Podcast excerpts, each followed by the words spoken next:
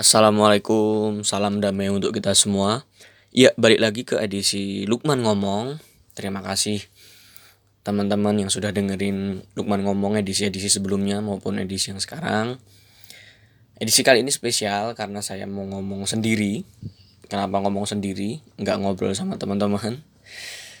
Karena edisi kali ini lebih ke personal.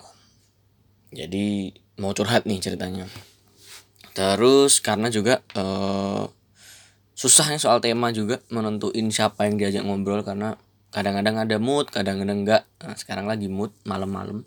Sama minta maaf karena mungkin ada bising suara lewat kendaraan nanti karena lagi di kosan malam-malam kayak gitu. Oke pertama nih langsung aja. Mau curhat soal sosial media yang sekarang saya sedang berhenti gitu. Kenapa berhenti nggak tahu nih juga berhentinya nanti agak lama atau atau mungkin nggak balik lagi ke sosial media yang macam-macam kayak gitu. Spesifik ke IG dulu nih. Jadi gini kalau ditanya pendek kalau ditanya pendek maksudnya jawabannya pendek gitu jawabnya ya si simple lebih banyak madorotnya dibanding manfaatnya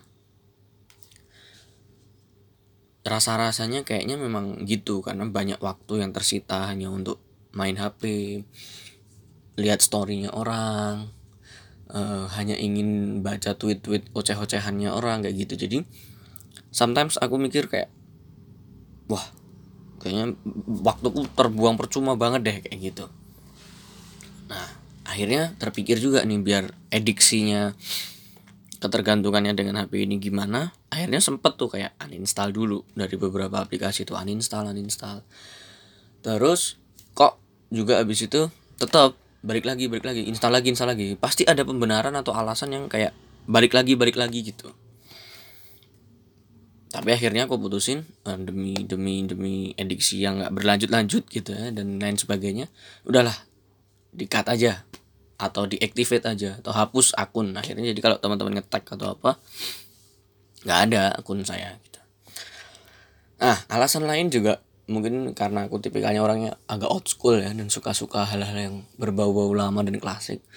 Mungkin alasanku juga kenapa hapus adalah karena kangen tuh. Aku kangen suasana di mana dulu itu kita cerita dan banyak kata oh bener ya? Oh oh gitu terus terus terus nah, kayak ada ekspresi ekspresi yang kayak gitu. Ekspresi ekspresi yang muncul karena kita bener-bener nggak tahu kabarnya temen ini. Ngobrol di satu circle atau di kelompok atau di tongkrongan yang bener-bener wih kita bener-bener kaget gitu dengan cerita dia yang baru itu gitu loh. Nah sedangkan di era keterbukaan dan sosial media yang semasif sekarang ini apa namanya momen-momen itu jarang ditemuin gitu. Seringnya kita udah lihat di storynya dulu. Seringnya kita udah tahu bahwa orang ini sekarang sedang sibuk ini. Terus uh, teman kita yang satu ini sedang pacaran sama orang itu. Atau teman kita ini sedang uh, ngerjain skripsinya mungkin gitu. Itu tahunya kita dari story story mereka atau postingan postingan mereka. Jadi momen-momen cerita yang kaget itu tadi ekspresinya itu gak ku dapetin lagi gitu. nah akhirnya coba deh dengan yang kayak gitu. Nah hasilnya hasilnya bener banget. Ketika akhirnya datang ke tongkrongan ke circle circle yang ada gitu banyak cerita yang wih ini orang ternyata sekarang jadi kayak gini nih. Eh ini orang sekarang lagi ngerjain ini nih ini orang ternyata sedang deketin cewek atau cowok ini nih jadi uh uh uh ada banyak banyak uhnya dan ohnya gitu loh. Nah, jadi kangen-kangen cerita-cerita yang kita sedang tidak tahu. Jadi efek-efek kejutan dari yang tidak kita ketahui dulu dari sosmed itu tinggi banget gitu. Nah terus juga ada yang uh, ngomong misal tapi aku dari IG aku dari sosmed ini tuh uh, ada yang ngomong dapat berita nih. Jadi up to date nya denger kayak gitu. Nah pertanyaanku lebih ku spesifikin lagi. Berita dari siapa gitu loh? Update soal ekonomi update soal politik atau update soal apa gitu loh karena rata-rata berita yang kalian dapetin itu hanya berita dari teman-teman kalian kan nggak penting gitu loh. Maksudnya kalian dari story atau dari postingan itu kalian update apa? Update berita tem tentang teman tentang gosip teman kan uh, sorry ya kayak kurang suka saya pribadi kurang suka gitu loh. Karena it's your life gitu it's my life. Jadi hak-hak orang-orang untuk melakukan hal itu dan tidak perlu kita bicarain juga. Makanya di Islam kan gibah itu dilarang kan nah lebih lebih akan lebih sangat etis atau akan sangat lebih apa bagus gitu ya lebih dewasa gitu ketika kita dengerin ceritanya langsung dari orang yang bersangkutan. Jadi kesan nanti akhirnya don't judge by its cover dan lain sebagainya atau jangan lihat hanya dari postingannya kayak gitu akhirnya bisa kita laksanakan. Dari kita nggak pernah update sosmed kayak gitu ketika teman kita menceritakan oh ternyata kronologi yang sebenarnya kayak gitu. Oh ternyata yang dilakuin teman kita ini ternyata ceritanya seperti ini. Jadi akhirnya uh, gitu. Jadi berita dan gosip atau dan lain sebagainya dari postingan teman kita ini benar-benar kita bisa minimalisir ketika kita uh, lagi nggak deket dengan sosial media. Kalau aku kayak gitu. Terus uh, alasan lagi ada beberapa ada beberapa alasan sih yang akhirnya meyakinkan untuk berhenti deh gitu. Itu juga karena gini uh, kita sering gak sih teman-teman coba kita introspeksi sendiri masing-masing ya dan aku pun juga masih terus introspeksi karena aku masih banyak kekurangan. Uh, sering gak sih kita kayak lihat influencer kita entah selebgram entah youtuber entah seleb tweet entah apa pun lah atau zaman dulu ada seleb Aks FM dan lain sebagainya gitu itu kita sering gak sih kita lihat mereka pakai brand ini mereka makan di tempat ini, mereka melakukan gaya hidup yang seperti itu, atau mereka uh, do something yang berbau-bau dengan kehidupan personal mereka, dan akhirnya kita tertarik. Nah, karena memang esensi dari influencer kan mempengaruhi orang, dan kita akhirnya tertarik melakukan hal itu. Oke, ketika kita, mereka dalam tanda kutip di sini adalah seleb-seleb tadi itu melakukan hal-hal itu dan mereka posting, mereka storyin dan mereka mungkin dengan era-era seperti sekarang ada challenge, ada prank dan lain sebagainya. Mereka melakukan hal itu dan menginisiasi kita untuk melakukan hal itu juga gitu loh. Contoh yang paling kecil adalah mereka makan di tempat A, tempat makan A. Kita juga ikutan di tempat makan A. Hanya untuk ya, hanya untuk update postingan bahwa kita sama dengan influence kita. Atau yang sedang trending di masyarakat sekitar atau teman-teman kita. Jadi kita melakukan hal yang bukan keinginan kita pribadi tapi karena dorongan dalam dalam marketing dipelajari juga namanya impulse buying. Yang aku tahu silahkan cek sendiri apa itu impulse buying. Jadi kadang-kadang kita melakukan hal-hal itu nah pertanyaan gue adalah ketika yang melakukan adalah seleb atau influencer ya it's okay karena tugas dia. Nah kalau kalian yang melakukan itu dan kemudian mengupdate nya apa gunanya gitu loh? Hanya untuk memenuhi postingan atau hanya untuk memamerkan bahwa kalian oh aku do something like my influencer gitu kan? Ya it's your life. Tapi bagi saya karena pandangan pribadi ya kurang seneng. Nah karena aku sendiri juga pernah terjangkit di di di fase itu atau di posisi itu di mana aku pengen melakukan hal-hal yang juga karena terinisiasi oleh orang lain. Dan kecenderungannya nextnya adalah kita konsumtif atau boros gitu loh. Sedangkan kan duit aku terutama duit saya itu kan pas-pasan untuk melakukan hal-hal yang sama dengan orang lain kan gitu. Jadi karena ada ending-ending yang nggak menguntungkan tadi itu akhirnya kayak oh sosial media ternyata berpengaruh banget ya gitu. Minum dulu. Berpengaruh banget gitu loh. Akhirnya eh, hal-hal yang nama sama-sama kadang-kadang noraknya juga tuh kalau yang melakukan itu kan influencer. Kalau yang melakukan itu adalah kalian. Kalau yang melakukan hal itu adalah sorry kalau yang melakukan hal itu adalah influencer ya itu influencer keren gitu loh uh, tugas mereka juga adalah hal itu tapi kalau kalian yang melakukan dan kalian posting gitu kalian tuh siapaan gitu ya sorry sorry tuh sih kadang-kadang memang kita punya porsinya masing-masing dan kita harus sadar diri gitu. Jadi daripada boros daripada kita terlalu apa konsumtif untuk mengikuti gaya-gaya hidup yang seperti itu, aku sendiri memutuskan untuk ya oke okay lah kita berhenti dari sosial media agar tidak terjangkit virus-virus yang seperti itu. Nah, terus kemudian kadang-kadang kita eh, nggak uh, uh, aku sendiri ya kemarin kenapa belum belum apa yakin untuk uh, uninstall atau deactivate itu karena kadang-kadang kita juga teman kita update-nya yang sakit. Nah, teman kita update yang mungkin soal dia lagi butuh apa dan akhirnya kita ketinggalan kalau kita nggak punya sosial media. Ada pandangan seperti itu, tapi kalau bagi aku nih pandangan pribadiku ini kisah ya. Kemarin waktu sempet masih aktif di story atau aktif di apa dan lihat storynya orang-orang itu sempat ditegur tuh sama uh, sama yang tak anggap abangku gitu. Namanya Indra sebut saja namanya Indra.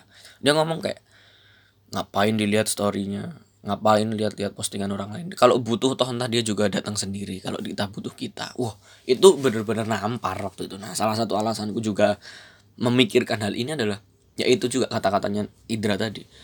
Nah dalam konteks sosial media ini kadang-kadang kita kalau nggak pakai sosial media kita akan ketinggalan info atau uh, needed dari teman-teman kita atau ke, uh, bantuan dari teman kita. Enggak kalau aku gini.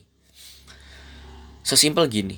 Ketika ada teman yang datang atau lewat chat atau lewat apa yang secara personal hanya untuk ke pribadi kita bagiku itu sangat sangat apa ya menyentuh atau aku akhirnya akan sangat menghargai teman kita atau siapa pun itu whatever whoever you yang tiba-tiba datang dan minta tolong.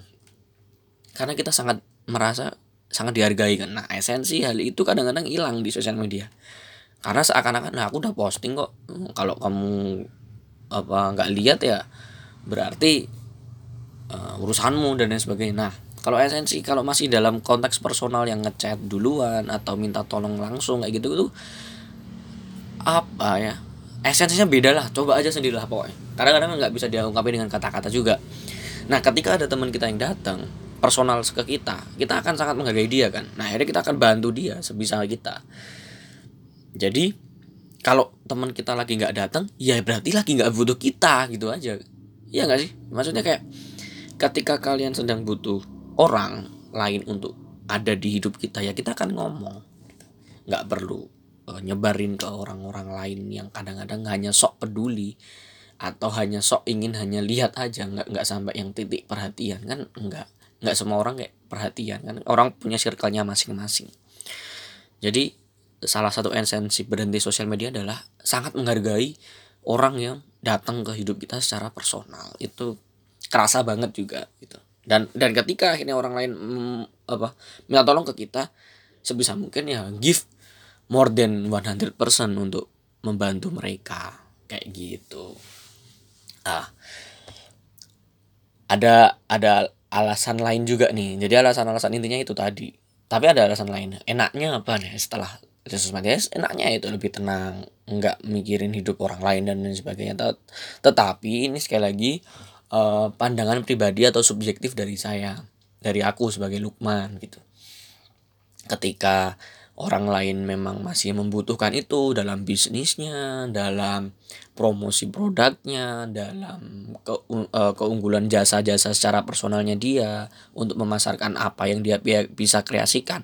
Berarti itu lebih banyak manfaatnya kan. Kalau konteksku tadi kan kalau aku pribadi adalah melihatnya lebih banyak madorot atau ketidakmanfaatannya. Ketika orang lain melihat lebih banyak manfaatnya, ya do that. Kerjain di sosial media apa namanya pelajari ilmu sosial media dan lain sebagainya. Karena di sosial media kan ada polanya kan ada algoritmanya ada insight dan ada jangkauannya kayak gitu. Nah ngomongin soal algoritma dan juga pola di IG salah satu kenapa akhirnya aku memutuskan untuk berhenti juga karena begini kadang-kadang sadar nggak sadar kita ini terkena algoritma sosial media yang akhirnya berimbas sama gelombang bias eh gelembung bias Nah, bagi yang belum paham apa itu gelembung gelembung bias, aku coba jelasin secara simpel. Gelembung bias itu adalah kita ada di titik yang kita lihat. Kalau contoh yang paling real adalah di IG ada di explore. Di explorer itu kita akan lihat hal-hal yang sering kita lihat. Gitu. Dia IG akan tampilin itu agar kalian tertarik dan lebih tertarik ke hal-hal yang barusan kalian lihat. Itu dipelajari di sosial media algoritmanya data scientist tuh yang yang yang yang, yang bekerja kayak gitu. Nah, ketika kita terjebak di gelembung bias itu kita akan stagnan di situ-situ aja. Contoh yang paling konkret adalah soal pilpres atau soal pilihan-pilihan. Ketika kalian sering melihat postingannya yang berkaitan dengan calon A B C D E A spesifik A B gitu ya. Kalian nanti akan disuguhi oleh algoritma sosial media yang diliatin soal A B ini terus. Sedangkan ada pilihan uh, presiden itu kan calonnya ada A B dan C D misal Nah si CD ini nggak nggak nggak nggak ditampilin tuh karena kalian sering lihatnya adalah AB. Maka kalian akan ada di gelembung bias untuk melihat terus si AB ini.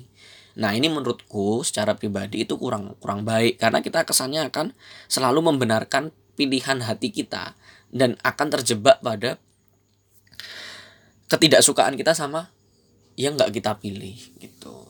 Jadi salah satu manfaatnya berhenti sosial media juga adalah itu kita akhirnya tidak tidak jadi gelembung bias atau tidak e, terjebak pada pemikiran kita saja. Hmm, kurang open mind. Walaupun kalian lihatnya IG terus sosmed terus tapi ketika kalian ada di gelembung bias menurutku kalian kurang open mind.